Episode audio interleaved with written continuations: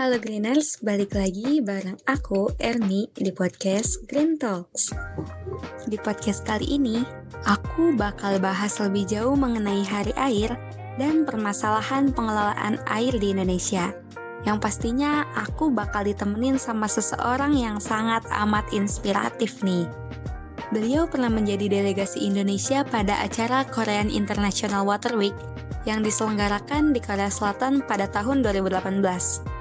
Mungkin langsung aja nih kita sapa dan kenalan dulu. Ada Kak Intan Permatasari. Halo Kak Permata. Halo Greeners, kenalin aku Permata yang kali ini bakal nemenin kalian di Green Talks. Oke Kak Permata, kalau boleh tahu kakak sekarang lagi sibuk apa nih Kak? Kesibukannya masih ngerjain skripsi setelah aku menyelesaikan student exchange ke Korea nih. Wah, luar biasa kan Greeners Kak Permata ini. Semoga lancar selalu ya Kak segala urusannya. Amin, semoga kalian juga semuanya dilancarkan segala urusannya. Amin. Oke Kak, langsung aja kali ya. Ada beberapa hal yang mau aku tanyain nih Kak. Dan tadi sempat aku singgung juga di awal kalau Kak Permata ini menjadi delegasi Indonesia dalam acara Korean International Water Week. Mungkin dari teman-teman Greeners ada yang belum tahu nih Kak, apa sih acara Korean International Water Week itu? Oke, jadi aku jelasin dulu apa itu namanya Korean International Water Week itu adalah sebuah forum internasional gitu yang isinya adalah para expert di bidangnya, terutama di bidang lingkungan, khususnya air kayak gitu. Mereka berasal dari berbagai belahan dunia, jadi mereka ini para expert berkumpul dan mengadakan sebuah forum yang bisa dihadiri oleh orang-orang tertentu kayak gitu. Wah, acara yang benar-benar luar biasa kan Greeners? Oh ya kak, setahu aku kakak itu mendapatkan kesempatan untuk mempresentasikan bagaimana pengelolaan air di Indonesia. Nah, menurut pandangan kakak sendiri, hal apa saja sih yang masih menjadi permasalahan dalam pengelolaan air di Indonesia? Oke deh, jadi aku ceritain ya. Jadi waktu itu aku sebagai tim dari IGAF dapat kesempatan buat presentasi mengenai kondisi air di Indonesia. Waktu itu kurang lebih yang disampaikan tentang seberapa baik atau buruknya kondisi air di Indonesia. Dan juga kita berkesempatan buat mempresentasikan beberapa research yang masih ada hubungannya dengan keadaan air di Indonesia. Nah, kalau menurut aku sendiri, apa aja sih yang masih jadi permasalahan mengenai pengelolaan air di Indonesia? Yang pertama dan utama permasalahannya sebenarnya kembali ke sumber daya manusia sumber daya manusianya itu sendiri belum mampu untuk mengolah air secara maksimal, dan mereka belum bijak untuk melakukan sesuatu yang tentunya ramah lingkungan. Contohnya adalah yang paling sederhana tidak membuang sampah pada tempatnya. Misalkan, jika ada seseorang yang membuang sampah di sembarangan di jalan, nanti ketika air hujan, maka sampah itu akan terkena hujan dan airnya akan meresap ke tanah. Dan otomatis air tanah akan berkurang kualitasnya. Nah, dari situ saja sudah dapat dilihat bahwa permasalahan air di Indonesia itu sebenarnya berawal dari sumber daya manusia itu sendiri yang belum paham, hingga akhirnya berdampak ke lingkungan sekitar.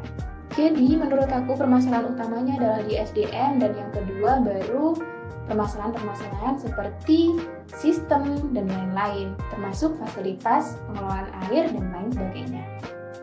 Oke kak, dari permasalahan yang sudah kakak sebutkan tadi nih, yang utama itu adalah permasalahan dari segi sumber daya manusianya.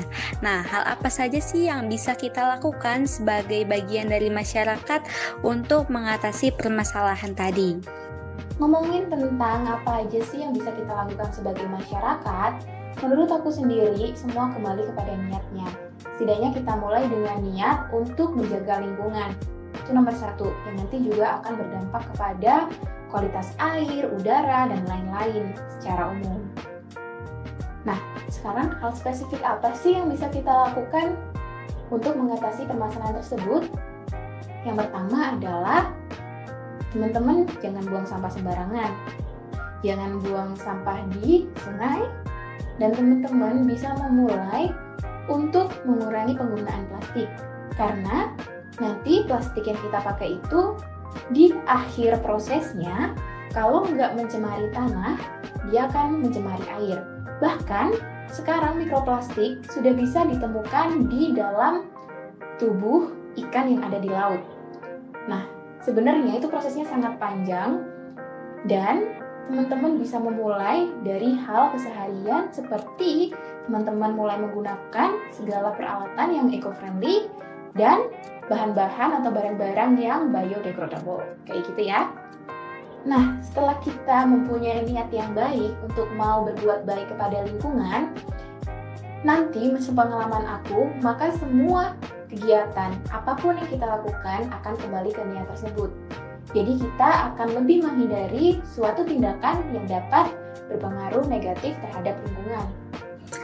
Oke, berarti hal-hal kecil yang dapat kita lakukan dalam kehidupan sehari-hari memiliki dampak yang besar ya terhadap kebermanfaatan air di masa depan.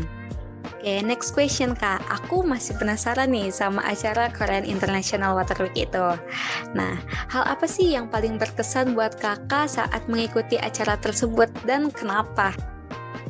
Oke, sebelumnya aku rada norak sih. Kayak pertama nih, itu aku random aja. Waktu itu masuk ke sebuah room diskusi yang mana sedang berlangsung presentasi yang aku pun sebenarnya ketika masuk nggak tahu detailnya. Yang aku masuk, duduk, waktu itu lagi ngedengerin dan ternyata pembicaranya salah satu profesor kalau aku nggak salah dari Harvard. Nah, yang paling bikin aku terkejut adalah mungkin salah satu speaker atau narasumbernya itu mereka nggak expect kalau bakal ada orang Indonesia yang join that event. Nah, ketika aku join, si profesor ini sedang menjelaskan rencana dari Amerika itu sendiri di masa depan ketika air di Amerika itu udah nggak ada, apa sih rencana yang bisa mereka lakukan? Nah, yang paling bikin aku shock adalah, tapi shocknya ini shock yang positif ya, Amin shock terus aku belajar dari itu. Nah, si profesor ini bilang dia itu lagi presentasi gitu dan di situ ada world map jadi ada map peta gitu dari seluruh dunia dan profesor itu ngasih sign tanda warna-warna gitu. Nah Indonesia itu kalau nggak salah waktu itu warnanya pokoknya mencolok banget kalau nggak antara merah terang hijau terang. Kayak gitu ya. Nah aku nggak ngerti tuh waktu awalnya itu sign buat apa. Nah terus setelah itu dia cerita dia presentasi. Nah Terus apa yang harus States atau Amerika lakukan, United States I mean, biar nanti mereka tetap dapat suplai air ketika air di negaranya atau di wilayahnya nggak ada.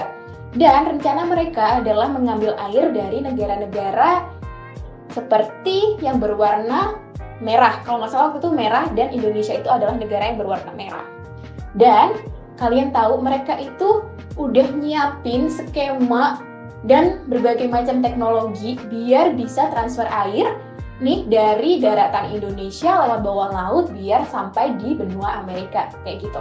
Bahkan mereka pun bakal melakukan apa ya menurut aku yang wow, is that really something that they will do? I mean kayak buat ngedapetin air aja mereka bakal kayak kalau di presentasi itu saya ingat aku kayak ada nggak pipa lagi sih tapi kayak yang anggap aja pipa yang super gede yang bakal menghubungin antara daratan Indonesia dan daratan wilayah sekitar Amerika lewat bawah laut. Dan itu nanti akan mentransfer air kayak gitu. Bahkan mereka sudah menyiapkan seperti itu karena mereka sudah aware kalau kondisi lingkungan kayak sekarang lama kelamaan air itu akan menjadi suatu hal yang langka. Nanti di masa depan kita pasti akan krisis air. Dan mereka sudah menyiapkan berbagai cara, nah salah satunya dengan mentransfer air dari negara-negara tropis seperti Indonesia gitu. Kalau nggak salah waktu itu sekitar uh, wilayah yang diwarnain menjadi sasaran itu ya sekitar Asia Tenggara, Indonesia dan sekitarnya. Yang sekiranya kita punya banyak banget sumber air kayak gitu. Jadi di saat kita aja belum aware tentang pentingnya menjaga lingkungan termasuk air, di luar sana orang-orang udah bingung gimana caranya let's say stealing water kayak curi air dari wilayah lain gitu kayak ya itu tadi SDM kita emang belum sampai ke sana dan PR-nya itu sih permasalahan kita. Kak jujur aku amazed banget sama apa yang barusan kakak sampaikan Aku speechless banget sih kak ini Mungkin next question aja ya kak Nah apa sih ilmu yang kakak dapat dan benefit yang kakak rasakan setelah mengikuti acara Korean Water Week tersebut? Pertama, aku bakal menyampaikan dulu uh, apa sih benefit pribadi yang aku dapat. Yang pertama tentunya ilmu, itu yang paling berharga. Jadi, aku tuh bisa mendapatkan ilmu langsung dari orangnya. Ketika mungkin kita download research di internet kan kita cuma bisa baca aja. Nah, itu disampaikan langsung oleh orangnya yang bahkan mungkin pengetahuannya dia atau penelitiannya dia itu belum diupload di internet kayak gitu. Dan aku bisa mendapatkan insight-insight baru, rencana-rencana dari berbagai negara masa di masa depan tuh kayak gimana, walaupun belum tentu dilakukan, setidaknya aku udah tahu sampai mana sih mereka sudah step forward kayak gitu ya. Nah, apalagi yang aku dapatkan, aku baru sadar banget kalau ternyata di Indonesia itu kita masih jauh buat melangkah ke sana. So, as conclusion, harus banget nih kita yang generasi muda ini belajar belajar apa pun itu baik ya yang penting kita belajar di bidang kita masing-masing agar nanti lama-kelamaan dengan belajarlah satu-satunya cara biar SDM kita bisa kualitasnya meningkat gitu. Nah, kalau manfaat secara umum, aku sendiri sih ngerasa kalau orang Indonesia semakin banyak mengikuti acara-acara tersebut gitu, maka mereka akan lebih banyak yang akan sadar bahwa sebenarnya kita itu nggak baik-baik aja loh. Jadi mungkin lebih ke kita jadi tertampar gitu loh, kayak wow ternyata kondisinya itu seburuk ini dan kita harus segera bertindak gitu. Wah, keren banget nih Kak. Habis denger jawaban dari Kak Permata tadi, pasti nih banyak dari cleaners yang tertarik untuk mengikuti acara Korean International Waterway.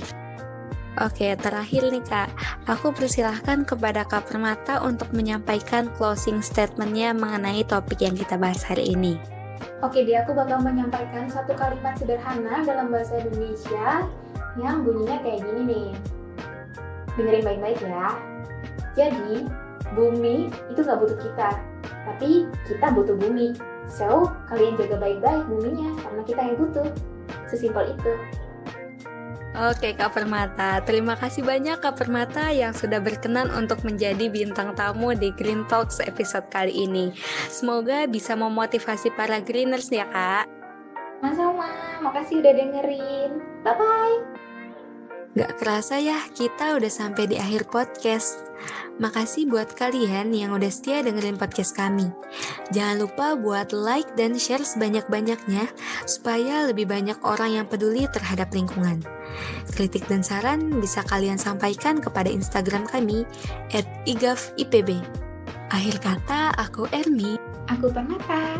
Kami berdua pamit undur diri sampai jumpa di podcast Green Talk selanjutnya. Salam Green Talks. Hijau kampusku, hijau Indonesiaku.